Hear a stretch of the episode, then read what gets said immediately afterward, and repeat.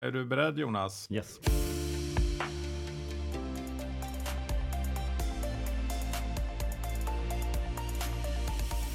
Hej och välkommen till det fjortonde avsnittet av Detaljhandelspodden. Ett samarbete mellan HI Research och We Hunt for Heads. Och vi som pratar är som vanligt Jonas Arnberg på HI. och Magnus Olsson, We Hunt for Heads. Och idag så hälsar vi även Helena Olsson välkommen. Tack så mycket. Och du jobbar som chef för stadsutveckling på Fastighetsägarna Stockholm. Det stämmer bra. Och med dig kommer vi prata om stadsutveckling och hur stadskärnan har utvecklats. Men först Jonas, så har det ju hänt en hel del grejer sen sist. Ja, vi får nästan säga på en gång att det är onsdag morgon när vi spelar in och därmed Eh, mycket att kommentera som blir eh, ganska ointressant om vi kommenterar det eftersom när vi släpper här någon dag senare så har det hänt så mycket mer och det är ju valet i USA som vi alltså väljer att avvakta till kommande avsnitt. Även Handels utspel tycker jag om hot om strejk. Eh, det, avtalsrörelsens märke är 5,4 procent för de närmsta 29 månaderna. Ingången var ju att det kändes som att men det är en ganska hög siffra och det borde man från facklig sida vara nöjd med. Men det är en, en låglönesatsning som man vill ha och som nu leder till vidare förhandling. Men där har vi egentligen ingen insikt heller, så det får Nej. vi också återkomma till. Mm. Men de två saker som vi kan prata lite mer om är väl både Amazon och den här andra vågen. Om jag får börja säga någonting om Amazon så är det underbart. Vi har, jag tror att vi har pratat i tre års tid om att nu kommer Amazon och vad händer då? Och nu kom de och det hände absolut ingenting. Eller ja, det är ju en, det är ju en, eh, en satsning som nästan framstår som eh, slapp eller åtminstone väldigt eh, liksom, o, man har inte lagt så mycket krut på det. De signaler vi har ju fått från Amazon är ju också det att internt så har man inte så stora resurser utan i takt med en eventuell framgång så får man fler resurser internt och det, det är väl precis det vi ser nu med märkliga översättningar, konstiga priser och så vidare.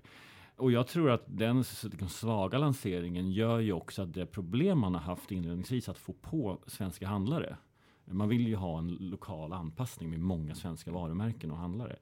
Det kommer ju ta längre tid att få på dem eftersom det är ingen som efter den här lanseringen i, i, i varumärkesägare i Sverige känner att oj, nu måste jag rusa till Amazon. Utan det kommer ta längre tid för dem. Ja, samtidigt så har det ju redan från början varit väldigt försiktiga prognoser över hur, hur mycket man kommer nå på kort sikt. Så att vi får prata över, alltså Amazon är ett långsiktigt bolag, vi pratar 5-10 år. Det är den horisonten som man har. Och det är väl därför man liksom, vi, här, det fortfarande är väldigt intressant. Vi är ödmjuka inför vad de kan framåt. Eh, det är onekligen också en bra timing i att vi stänger ner i stort sett butikshandeln och vi står inför en julhandel så där e-handeln kommer ha en otrolig tillväxt. Så det är klart att de är väl positionerade. Och, och, och man gillar ju också tanken på att öppna upp och lära sig under gång och inte liksom vara helt färdig när man öppnar. Så det, de lär sig under gång och vi ska ha fortsatt respekt. Jag har testat handla, jag fick hem paket igår. Jag handlade från tre olika aktörer men det kom i samma paket. Och det tycker jag är så här, ja men det, det visar lite på det som vi inte har haft i Sverige innan, en plattformskonsumtion som är väldigt smidig. En one-stop shop har funkat när ICA Maxi har gjort det, men ingen har gjort det på nätet. Och det är smidigt. Mm. Det finns ju en hållbarhetsfaktor i det också, att istället för att det kommer hem tre paket från olika aktörer, så som svensk e-handel funkar idag. Ja. Sen det att, att inte flera svenska handlare har hoppat på, det har väl också varit utifrån att man egentligen inte har vetat när man ska lansera. Det är svårt att planera för någonting som faktiskt inte finns. Verkligen. Mm. Och så har man tyckt att Amazon har varit relativt dyrt i de förhandlingar man har haft. Mm. Och där tror jag igen, om Amazon upplevs som en dyr marknadsplats att vara på i kombination med att den inte är så attraktiv. Varför ska jag vara där? Mm. Så det tror jag kommer göra att det dröjer ytterligare tid innan, innan det händer något. Vi får se. Sen hände det verkligen grejer i slutet på förra veckan. Eller egentligen hände det för ytterligare någon vecka sedan när Uppsala meddelade lokala riktlinjer med anledning av den pågående pandemin. Och redan då så såg man ju besökstapp i handeln lokalt, eller hur? Ja, och så hängde vi på i torsdags var det Stockholm och nu är det väl ytterligare regioner som, som hänger på. Jag har pratat med några eh, handlare i, i Stockholm city som sa att sen i torsdags är försäljningen ner 50 procent om man jämför med, med förra året. Mm. Men då pratar vi centralt Stockholm. Centralt och det är mode, så det kanske inte kommer som någon överraskning. Jag blev nästan överraskad om att jag tyckte nästan att det var högt. Mm. Att, att, eh, det hade inte varit omöjligt att det skulle varit ännu lägre. Så att Nej. säga. Men det vittnar väl lite om den utmaning som handeln står inför i jul. Nu ja. kommer ju Black Friday och vi har jul. Det är ju många kedjor i handeln som egentligen perioden januari till november går back och allting avgörs av december. Ja. Och nu mer än någonsin är man ju i väldigt stort behov av att ha en framgångsrik final på det här året. För att... Och särskilt efter det här året då när man hade en tuff period från mars till juni, sen lite återhämtning och så kände man, många kände att ja, men nu har det släppt. Mm. Och sen så är det ridå ner. Ja, sista månaden skulle jag säga fram till i torsdags då förra veckan så är det ju många inom mode också som har kommit upp på okej nivåer igen. Och står nu inför nästan någon form av nedsläckning. Och vi får väl, det blir ju oerhört intressant att se vad som händer framåt. Kommer man ens få ha butiken öppen i julhandeln? Ja. Jag tror ju att man måste ha öppet. Alltså, människor kommer vilja köpa julklappar. Och i, i, på e-handeln finns det en tak i, i form av kapacitet. kapacitet precis. Ja, ja. Så, så att man kommer ju ta sig till butiken. Helena, vad tänker du? Nej, men jag tänker just det där kring att hålla staden och landet öppet. Vi ska ju vara väldigt glada för den strategi som vi har i Sverige, men det ställer ju också väldigt mycket krav på både oss som privatpersoner, hur vi agerar, hur eh, företag, hur vi som professionella beter oss på vår arbetsplats och, och sedan också alla organisationer och företag, verksamheter, handlare, fastighetsägare att alla behöver ta sitt ansvar i detta för att faktiskt kunna hålla öppet. Mm. Så att det tror jag blir oerhört viktigt nu fram till årets slut. Att vi faktiskt hittar sätt och vägar att hantera denna, att kunna hålla öppet och också göra det på ett ansvarsfullt sätt. Mm. Det tror jag är den stora utmaningen, men där är vi också enade, både om man tänker fastighetsägare, hyresvärdar och eh, handlare, restauranger och så vidare. Och det är ju eh, superviktigt att man går hand i hand i detta och hittar sätt att hantera trängselproblematik och ja. så vidare. Sen ska man ju också behöva bli enade med konsumenterna som faktiskt är de som i största utsträckning behöver hålla disciplinen här. Eh, och där, där har vi också sett ett, ett, ett annat språkbruk från när statsministern gick ut i, igår igen och poängterade att de här rekommendationerna är egentligen inte rekommendationer utan det, det är den förväntan som vi behöver ha på varandra. Verkligen, och det är det jag menar just med som vi som privatpersoner, att vi behöver vi uppskattar ju att vi mm. kan vara ute på ett sätt som många delar i världen inte har kunnat och kan återigen sitta hemma. Om vi värderar det så behöver vi också ta vårt eget ansvar i detta. Mm. Men det här visar också hur snabbt det svänger både upp och ner. För så sent som i onsdags förra veckan så gick Konjunkturinstitutet ut och, och pratade om barometerindikatorn. Att det steg ytterligare i oktober och ljusa signaler från samtliga eh, sektorer. Sen dröjde det två dagar så kom Folkhälsomyndigheten med sina, sina råd. Det Ja, vi, hade ju, vi presenterade en prognos för julhandeln i nästa vecka och den var ju i stort sett klar. Eh, och det är bara att sätta sig och göra om den helt enkelt. Tittar man på Black Friday blir det otroligt intressant att se. Black Friday har ju varit en märklig företeelse i att vi tar en månads besök och försäljning och koncentrerar det till en helg. Med, med väldig belastning på bemanning, logistik och inte minst lönsamhet för man har ju sålt med, med rabatt. Det är ju såklart inte ett coronakompatibelt beteende att trycka in en månads besök över en helg. Det kan ju inte ske, utan man måste sprida ut det. Och, och vi får ju se, det blir väldigt intressant att se hur restriktionerna kommer att utvecklas till dess. Men jag tror delar av handeln, är, man är delvis orolig för en stängning. Vad det gäller just Black Friday tror jag, alltså många längtar till att få det utspritt igen. För att det visar sig inte vara någon jättebra idé att göra sälja av allting billigt på en helg. Nej, och där är ju redan flera som, eh, vi har ju redan sett innan att, att man utvidgade Black Friday till Black Week och i år är Black Month. Om det sen är en strategi för att sprida ut besökarna eller för att man är desperat att få, få, få en, en högtid som är verksam under, eller har effekt under en hel månad. Det återstår väl att se, men, men eh, det kommer bli en utmaning för alla. Både vad gäller att få folk att, att handla kanske det här akuta skedet nu när vi får en, en, ökad smittspridning på samma sätt som vi såg i, i mars där vi faktiskt fick en, en situation där folk höll i pengarna. Men också att vi möter verkliga konsumtionsperioden där alla är beroende av. Ja, och, och sen så får vi också en, återigen en kick utifrån att det är ju ännu färre som jag antar kommer att vilja resa bort över jul och så. Så det är Vi kommer tillbaka till detta. Vi Eh, har anledning att eh, återkomma flera gånger troligen till det.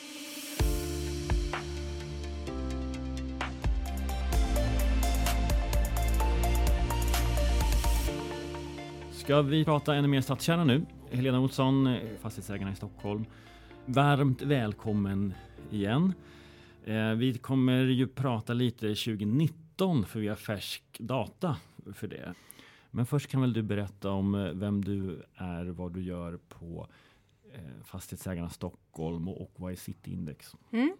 Jag jobbar med stadsutvecklingsfrågor och ansvarar för dem på Fastighetsägarna Stockholm. Och Fastighetsägarna Stockholm är ju en bransch och medlemsorganisation.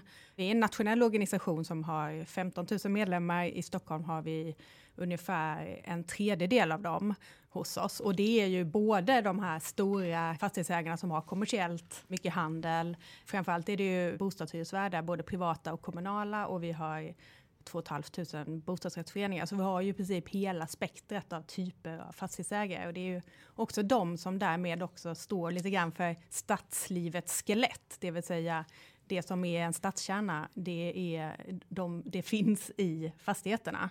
Och ehm, eh, jag har jobbat där i sex år. Har ju också en bakgrund på HI faktiskt, eh, fast det var länge sedan. Jag tänkte på det när vi pratade Amazon. Jag tror att jag reggade mitt Amazon-användarnamn där på, på HI-tiden för nästan ja, 15-20 år Det är sedan. sjukt. Jag och Helena satt i samma rum, nya juniorer på HIV, typ 2001 eller något sånt där. Ja, exakt. och eh, lyssnade på Spraydio väldigt mycket som var hett då. Ja, det gjorde vi. Och jag har faktiskt, och mitt Paypal eh, och Ebay-konto har jag också där och jag har faktiskt samma lösenord som jag har där och det är liksom lite bundet till det rummet som jag satt i. Så, att, eh, och det jag tycker det är, så jag får en flashback där till um, Blasieholmen. Men det säger ju också lite grann hur länge som man har hållit på. Men hur som helst, Cityindex gör ju fastighetsägarna då i ett samarbete med HI. Och eh, varför vi gör det, det är just för att vi ser ju att man behöver ett kunskapsunderlag när man jobbar med hur stadskärnan ska utvecklas. Både strategiskt för att veta hur ser det ut, vilka branscher går bra eh, över tid, jämföra över tid, men också jämföra kanske med andra eh, stadskärnor i landet. Vi gör ju det här nationellt och mäter i 107 stadskärnor, den kommersiella utvecklingen för olika branscher. Och vi ser ju det både som ett underlag för våra medlemmar men också för kommuner. Att faktiskt tillsammans också ha en gemensam karta över stadskärnan och innehållet och den kommersiella utvecklingen där. Och 2019 var ju ett väldigt bra år för stadskärnorna. Vad, eh, vad var det som funkade och vad funkade inte? Ja, 2019 var ju urstarkt egentligen och framförallt var det ju storstäderna och det var besöksnäring, det vill säga hotell, restaurang och kaféer som drog utvecklingen. Stadskärnan är ju, förlåt, man tänker det lite som en plats som har, man har, som har tröttnat lite. Och det växer, e- e-handeln tar andelar, köpcentrum tar andelar, Mm. handels, lågprisracet ute på alla handelsplatser tar andelar. Vad var det som hände 2019 som liksom höll staden så pass attraktiv? Ja.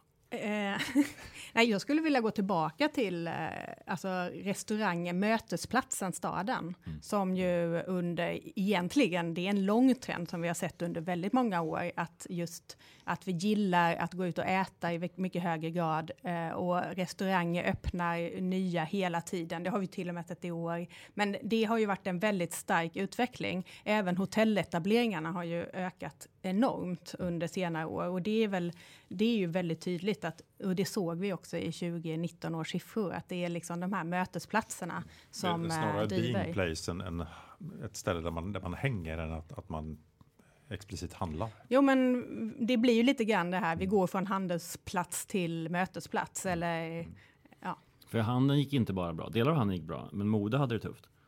Mode hade det tufft, så det är ju en utveckling som vi har sett under flera år. Vi såg egentligen hur klassiska modebranscherna gick sämre under 2019, medan då mötesplatserna blev, var starkare. Och, eh, och om vi tittar på 2020 nu då så är det ju, ja det blev inte roligare att vara modehandlare nu. Vad, vad har hänt i stadskärnorna nu i år? När vi tittar på handeln och då framförallt då kanske modeindustrin eller modehandeln så är det ju den som, eh, som, som gick dåligt redan innan och hade en dåligt utgångsläge när man gick in i den här pandemin. Eh, det såg vi ju väldigt tidigt hur man ganska snabbt gick i konken helt enkelt, mm. flera stycken. Sedan har det ju hänt mycket sedan dess. Det blev liksom de som hade väldigt svag uthållighet som gick under väldigt snabbt. Andra branscher i detaljhandeln har ju varit starka, Hem och Fritid till exempel.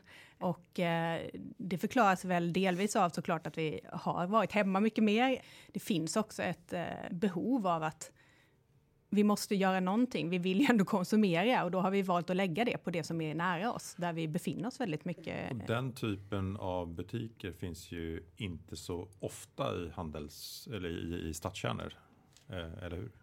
Nej, det har ju inte varit så, men vi ser ju ändå hur de börjar titta, titta in och det tror jag liksom är en styrka för stadskärnan, att man ändå, det finns en dragningskraft till till stadskärnan för eh, den typen av hem och fritidsbranscherna, eh, för eh, lågpris och så vidare. Man vill, liksom, man vill ändå vara i stadskärnan. Storstäderna har haft det tuffare än mindre städer, är det så? Ja, det är ju framförallt drivet av, att, av de restriktioner som handlar om att vi, skulle, vi som kan, kan jobba hemma. Och stora städer har ju i väldigt mycket, högre grad också mycket kontor i sina stadskärnor. Det är klart att det blir ju ett jättestort eh, tapp i och med det, på under, liksom, när inte folk gör sina ärenden under lunchen och så vidare. Eh, så det blev ju väldigt tydligt i detta. Ju, ju större stad, desto större tapp i flöden och eh, i, i de prognoser som vi ser. Vad, vad är din tro om utvecklingen i det? Alltså att vi skulle kunna få, även när pandemin är över, skulle det kunna vara så att det här är starten på en trend där man inte måste bo i storstan, utan att man kan bo någon annanstans och eh, jobba på distans och så vidare. Eller åtminstone åka, inte åka in till stadskärnan varje dag som tidigare. Tror du att det, liksom, det lokala eller det mindre kom, har ju uppenbarligen fått en kick av 2020, men kommer den bestå? Jag tror att eh, vi kommer att se andra mönster. Vi kommer som, vi som kan sitta hemma och jobba till exempel, kommer att även kräva våra arbetsgivare framöver att man sitter hemma och jobbar, men kanske en eller två dagar. Det finns ett väldigt sug efter att komma tillbaka till stan. Eh, utbudet som är intressant finns i stora städer och i städerna. Det är städerna som det finns det kritiska underlaget som gör att du kan ha nischbutiker, mindre butiker. Vi ser ju liksom hur de som har klarat sig bra är ju de som har haft en personlig prägel, som kanske haft en lokal, den lokala närvaron finns ju även i stadskärnorna, fast i mindre platser och kring stråk eller platser. Så att har du haft en personlig prägel, många stammisar, den typen av aktörer har ju vittnat om att de har gått ganska bra. Och det finns ju både i storstäderna och i, på andra platser. Jag tror att det handlar om att vi kommer att vi har lärt oss att det funkar bra att jobba hemma, men vi kommer inte vilja göra det helt och hållet. Mm. Men då är det samma egentligen drivkrafter som, som vi ser i handeln att vi, vi innan har vi tvung, varit tvungna att gå till den fysiska butiken därför det inte funnits något alternativ. Nu finns alternativ, nu måste vi vilja göra det. Och det är egentligen samma sak med, med arbetsplatsen. Att, att innan så har vi varit tvungna att gå till ett, en fysisk plats. Mm. Nu kan vi faktiskt välja på ett annat sätt.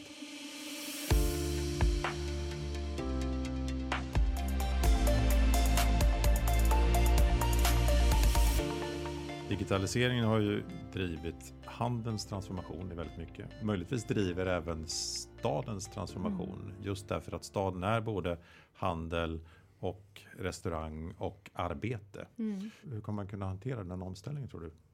Nej, men jag tror, jag tror alltså tillbaka till att man behöver både och. Mm. Alltså det är inte svart eller vitt i de här frågorna och samma sak, våra beteenden kommer liksom glida lite fram och tillbaka tror jag. Mm. Men framförallt så finns det ju en väldig möjlighet i det digitala i form av väldigt många restauratörer, handlare som säljer via Instagram och liksom gör uppdateringar den vägen. Det är så man bygger sin relation med sin kund och lär känna kunden när man inte kan mötas fysiskt till exempel. Och har du den så kan du komplettera din, din kundrelation utan att träffas fysiskt. Men ändå inte kanske bara gå e-handel utan du liksom, det blir liksom en väldig en brygga mellan det fysiska och det digitala. Mm. Men om man nu tänker sig att vi, vi kommer förbi pandemin. Mm. Vi har vant oss med att jobba hemma. Vi åker in till kontoret ibland och vi äter luncher när vi gör det. Då, då, någonstans drömmen för en fastighetsägare är ju ändå att ha en, en levande verksamhet i gatuplan och fullt uh, uthyrda kontor mm. uh, däröver. Och det vi pratar om hittills, det driver ju ändå att vi behöver mindre ytor. Vad, vad ska man fylla allt med? Ja, men där tror jag att återigen, det är väldigt mycket som vi pratade om redan innan det här året och den här pandemin, som alltså det här kring ytorna, att liksom vi kommer att se att eh, butiker, handel kommer att vilja ha mer effektiva och mindre ytor. Vi har sett det redan på bostadsmarknaden där nyproduktion kan vara dyrt och då gör man mindre effektiva lägenheter för att liksom helt enkelt fler ska kunna efterfråga för att få ner priset. Eh, på samma sätt tror jag vi kommer se inom handeln och i butikerna att man kommer vilja landa på lite mindre ytor. Sedan är det så också att vi har liksom den dominansen som hand, handeln kommer alltid finnas i våra stadskärnor och kommer vara en väldigt viktig komponent för attraktiviteten där. Men är, vi kommer att se att det kommer ha en mer tillbakadragen roll tror jag. Och det är inte självklart att en handels eller butiksyta ersätts med en annan butik, utan det blir helt enkelt en annan typ av konkurrens kring liksom ytorna. Och där behöver ju fastighetsägare som hyr ut behöver ju fundera på liksom vilken vilken hyresgästmix ska man ha för att verksamheterna ska kunna komplettera varandra, både utifrån att hjälpa varandra och dra kunder, men också såklart att liksom erbjuda en helhet som gör att kunden eh, lockas att åka dit och också faktiskt eh, stanna kvar och göra fler eh, saker på samma ställe. Vi har en kund på HUI som särskilt nu under pandemin har fått en väldigt mycket högre e-handelsgrad och i, i, kombination med den liksom omstrukturering som har pågått under en längre tid men som har fått en kick nu ser över antalet butiker i, som, som man har. Och i den butiksnätsplaneringen så ha, har man fram tills nu varit ganska trygg i att man ska finnas i stadskärnan för där finns det ett flöde och det är liksom en, en härlig plats att vara på. Men nu börjar man ifrågasätta det. För vi, vi ser i data att e-handeln har växt så pass mycket och när man väljer mellan handelsområdena utanför stan och city så, så är det lätt att välja handelsområdena istället. Och de börjar leva utifrån teorin vi kan inte ha en butik eller ett varumärke som bygger på att, på goda grannar, att vi får flöden från någon annan. Vi måste, precis som på nätet, skapa trafiken själva. Eh, och då välja läge utifrån det. Och då väljer de bort stadskärnorna sannolikt framåt. Varför gör de det? Därför att de tror att eh, externhandelsområdena i, tillsammans med e-handelsstrategin fungerar bättre för deras koncept. Och det behöver ju inte gälla andra koncept, men i, men i deras fall så, så, så säger datan då att nej, vi, vi, vi hoppar över stadskärnan. Och det kan ju säkert vara så att vissa typer av verksamheter passar bättre i stadskärnan än andra. Jag tror däremot att det är viktigt både för kommuner och fastighetsägare att värna stadskärnan, för stadskärnan är ju lite grann kommunens skyltfönster i den bemärkelsen att om stadskärnan mår bra, då är det liksom en temperaturmätare på hur hela kommunen mår. Och eh, för kommunens del så är det jätteviktigt att, att man kan eh, få fler företagsetableringar, eh, kontorshyresgäster vill fastighetsägarna ha. Och det i sin tur är ju där lockar ju utbudet i en stadskärna för att man ska få de etableringarna och som skapar tillväxt och som skapa attraktivitet och som lockar då folk att vilja flytta till mm. kommunen. Så att det finns väldigt många skäl till att man bör eh, prioritera mm. stadskärnan. Och, och den, här, den här aktören kan ju säkert också överväga mm. återigen att vara mm. kvar mm. i stadskärnan om förutsättningarna är den rätta, till exempel hyror och liksom hur, det, hur stadskärnan utvecklas. Men Jonas, det är väl också en konsekvens också av att, att vi har haft en period där egentligen inte bara stadskärnan och externa köpcentrum utan fler externa handelsplatser har, har växt till och många har valt att finnas på alla. Det har varit en enkel strategi att, att bara, mm. bara det finns ett flöde så ska vi vara där, annars riskerar vi att förlora någonting. Mm. Eh, och den, hela den strategin behöver man ju eh, uppdatera och där, där finns det ju säkert också ett antal externa handelsplatser som kommer att behöva strykas. Ja, för det, för det som bidrog här var att vi tog fram upptagningsområde på de tre butikerna mm. som var i den här staden som vi testade på. Och alla tre butikerna hade ungefär samma upptagningsområde. Och då blir det ju väldigt lätt att välja den de har kvar dem där har lägst hyra mm. helt enkelt. Eller av olika anledningar har effektivast drift av butiken.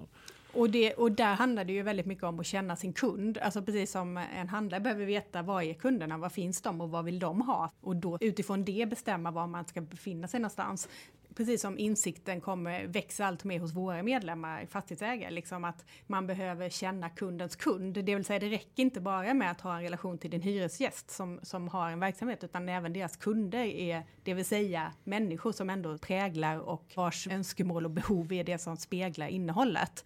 Eh, man behöver, ska du verkligen ha en robust utveckling och liksom träffa rätt så behöver du kunskap och insikt om det.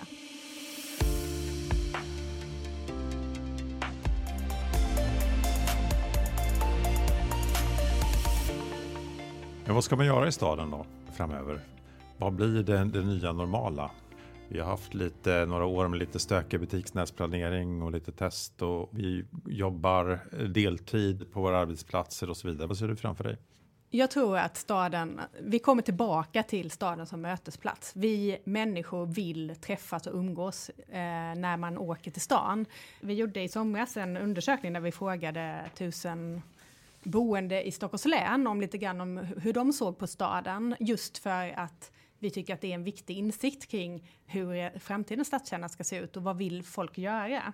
Och eh, jag tycker det är ganska talande när man ställer en fråga som om du tänker på platser i stan som du gärna återkommer till, vad finns på dessa platser? Och då är topplistan då är så här, god mat och dryck, närhet till vatten, god stämning, grönska, när kollektivtrafik, kultur, en mix av eh, staden på samma ställe, en blandning av människor, människor jag trivs med. Alltså väldigt mycket handlar om att bara liksom vara och umgås. Och det blir så väldigt tydligt att det är någonting vi längtar efter och vill tillbaka till. Jag tycker att hushållens konsumtionsutgifter, som liksom är så här ganska torr eh, statistik från SCB, men som säger också väldigt mycket just kring trenderna. Vad lägger vi pengarna på?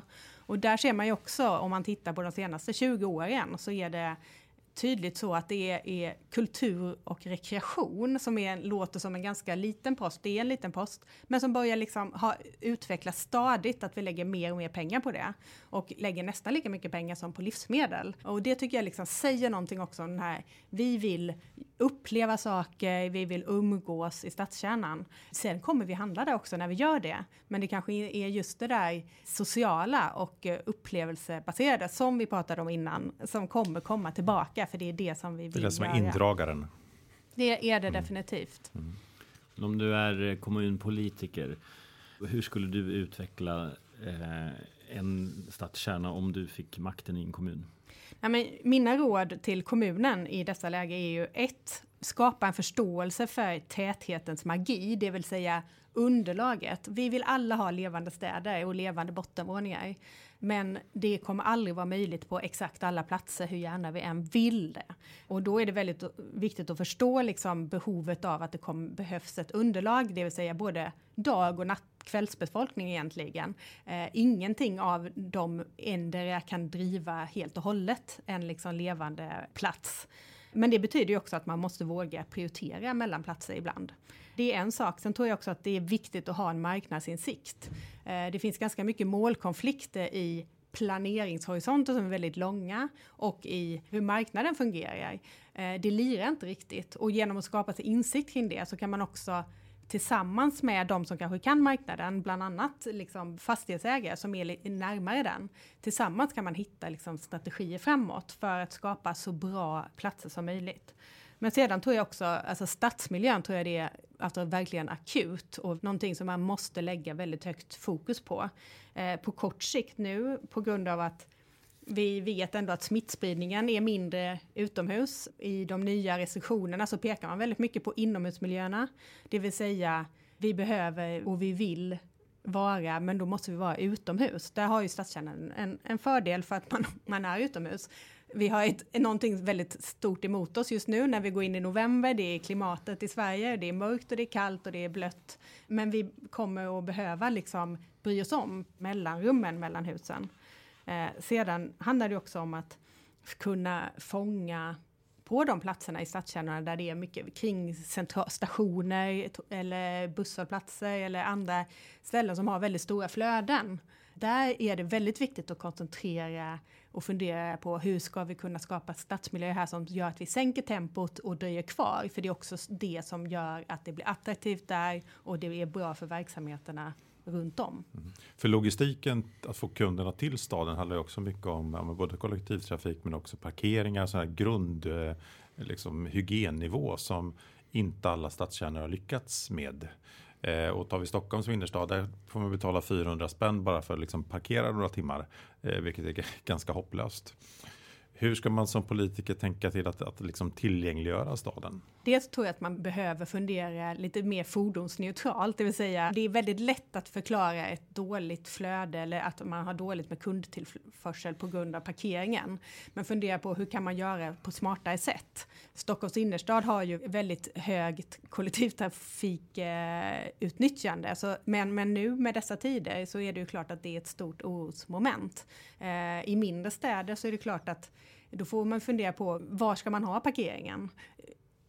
Måste man ha parkeringen på det allra bästa läget eh, som kanske skulle kunna skapa en helt annan trevlig miljö som skulle gynna stadskärnan totalt sett. Och nu finns det ju liksom, alltså vi har vant oss vid att ta bilen hela vägen. Det finns ju det i köpcentrum utanför stan. Där är det lätt att ta bilen. Det kanske är dit man tar bilen.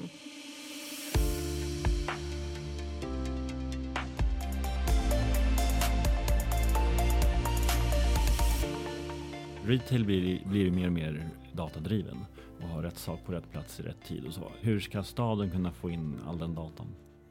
Ja, man får ju ha, ja precis, med respekt för eh, olika integritetsfrågor och så vidare. Eh, jag vet inte, och staden, jag tror att man behöver prata mer om eh, de insikterna som man har. Alltså, Kommunen har bra data på vissa saker. Butiker har väldigt bra data på sina kunder. Fastighetsägare har på gallerior och så vidare. Hur kan man tillsammans också börja prata om kundbeteenden, flöd, både flöden och liksom kanske vilken typ av kunder och vad, vad man, apropå det här med goda grannar, vad man gör. Eh, hur kan man jobba med det på ett mer insiktsfullt sätt för att liksom komma vidare? Men man behöver lite grann bjussa på med varandra då. Sedan är ju alltid, tycker jag, data svårt, för det gäller ju också att vara väldigt transparent med vad man använder datan till såklart. Och så. Mm. Avslutningsvis, eh, 2019 superår.